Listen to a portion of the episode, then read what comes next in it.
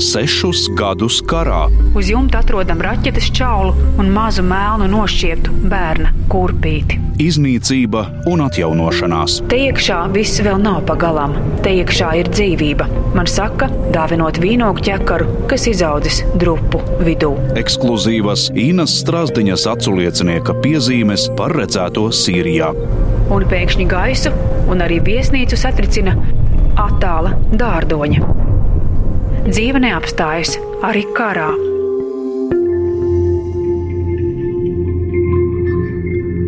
Otrais ieraksts Sīrijas dienas grāmatā Ceļš uz Alepo.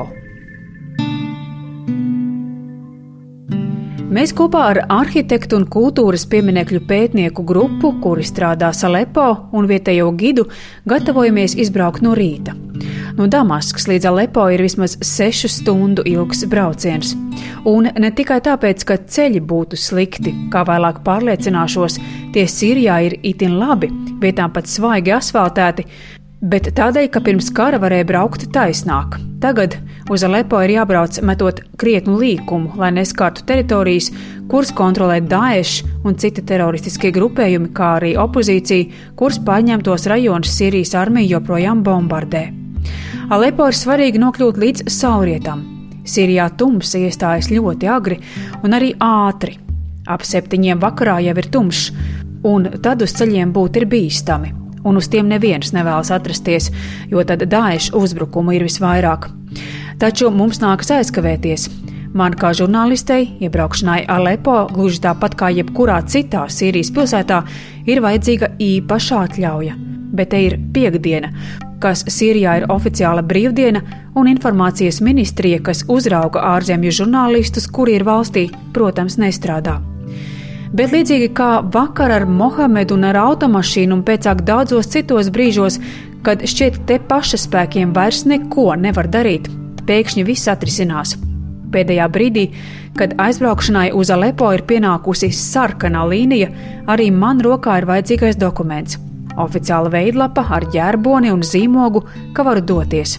Un tas viss ir pateicoties mūsu gidam un sakariem, kas Sīrijā ir zelta vērtē. Mani cieši piekodina, ka šī būs mana pase turpmākajām dienām šajā zemē.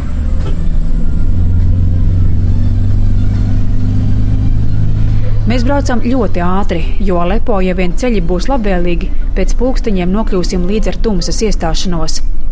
Sešas stundas no Damaskas līdz Alepo garām slīd dzelteni pakalni un plaši pelēkbrūni līdzenumi ar izkaisītiem māju puduriem, un ik pēc brīža kontrolpunkti, kontrolpunkti, kontrolpunkti. Tajos filmēt un fotografēt ir stingri liekts. Tajos ceļu aizķērso barjera vai asfaltā iebūvēts tā sauktais guļošais policists. Pie sarkposteņiem ir milzīga Sīrijas prezidenta Bašara Alasada bilde. Automašīnas pārbaudas Sīrijas armija, visiem ir jāapstājas.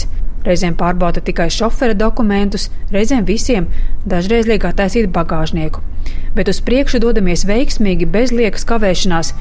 Ir tikai viena ātra pietura ceļmā sēstuvē ar lavašā ietītiem vistas gabaliņiem un saldu dzērienu kola.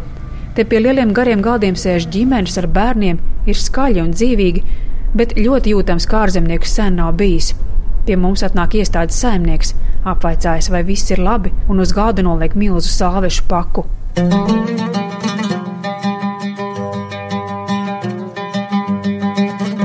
Ceļš uz Alepo man atmiņā ir iespiedies neizdzēšami. Tas ir savāds. Brīžiem platāks, brīžiem pavisam šaurs. Pretī brauc lieli veci kravas auto ar vedumu, kuru saturu grūti noteikt. Ir arī pa kādai mazākai kravas automašīnai ar mēbelēm un iedzīvi vezumā, kas dodas Alepo virzienā. Tas nozīmē, ka kāds tomēr atgriežas. Ceļa malās pa brīžam vīd sagrautu māju drupas. Dzīvības laukos ir ļoti maz, lai neteiktu, ka nemaz. Pāris reizes izbraucam cauri ciematiem, kuros ir bērni, sievietes, tirgotāji nojums, kāds rūcina traktoru, kāds kaut ko labo, un tad atkal vientuļas, tukšas, platas, bezcilvēku ainavas. Kad veikts jau teju pusceļš, mēs ieraugām kādreizējā Sīrijas rūpniecības centra Homsas aprises. Pilsētu no kuras pēc kaujām ir palicis ļoti maz. Homsa ir tālumā, aiz ceļmalas barjerām un kokiem, kas švīkās traucas garām autologiem. Tas, ko redzu, ir pelēku, lielu, tukšu, raķešu sakapātu daudzdzīvokļu namu spokainie vertikālie stāvi. Homsu sauc par Sīrijas revolūcijas galvaspilsētu, un vēlāk te bija smagākās kaujas starp prezidenta Bašara al-Asada militāriem spēkiem un toreizējo Sīrijas brīvo armiju, tūkstošiem iedzīvotāju vēl pilsētā esot. Krēslo, un tādēļ ainava aiz automašīnas loga kļūst vēl drūmāka. Šur tur laukos izmētāta sadeguša automašīna un kaujas tehnikas rūsgan melni vraki. Var tikai nojaust, kas šajos ceļa posmos ir noticis. Un tad, kad pārtrūkst pēdējais gaismas pavadienis, un faktiski ir satumsis, mēs iebraucām Alepo, klusēdami.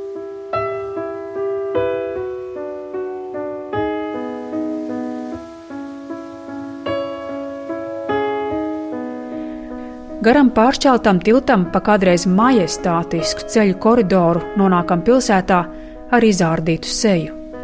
Apus ielām, cik vien tālu skata acis, slējas milzīgi, pelēki, pa pusē nodrupuši nami. Kādreiz te ir bijušas cilvēku mājas un dzīvokļi. Kādā krustojumā apstādījumos ir kapsēta, starp kokiem sadīguši ovāli pieminekļi. Bombardēšanā bojā gājušos vajadzēja apglabāt ātri nebija citur, kur. Bet no rīta, kad atkal būs gaišs, Alepo ieraudzīšu mazliet citādu. Tai būs balss un noguris, bet spītīgs pulss.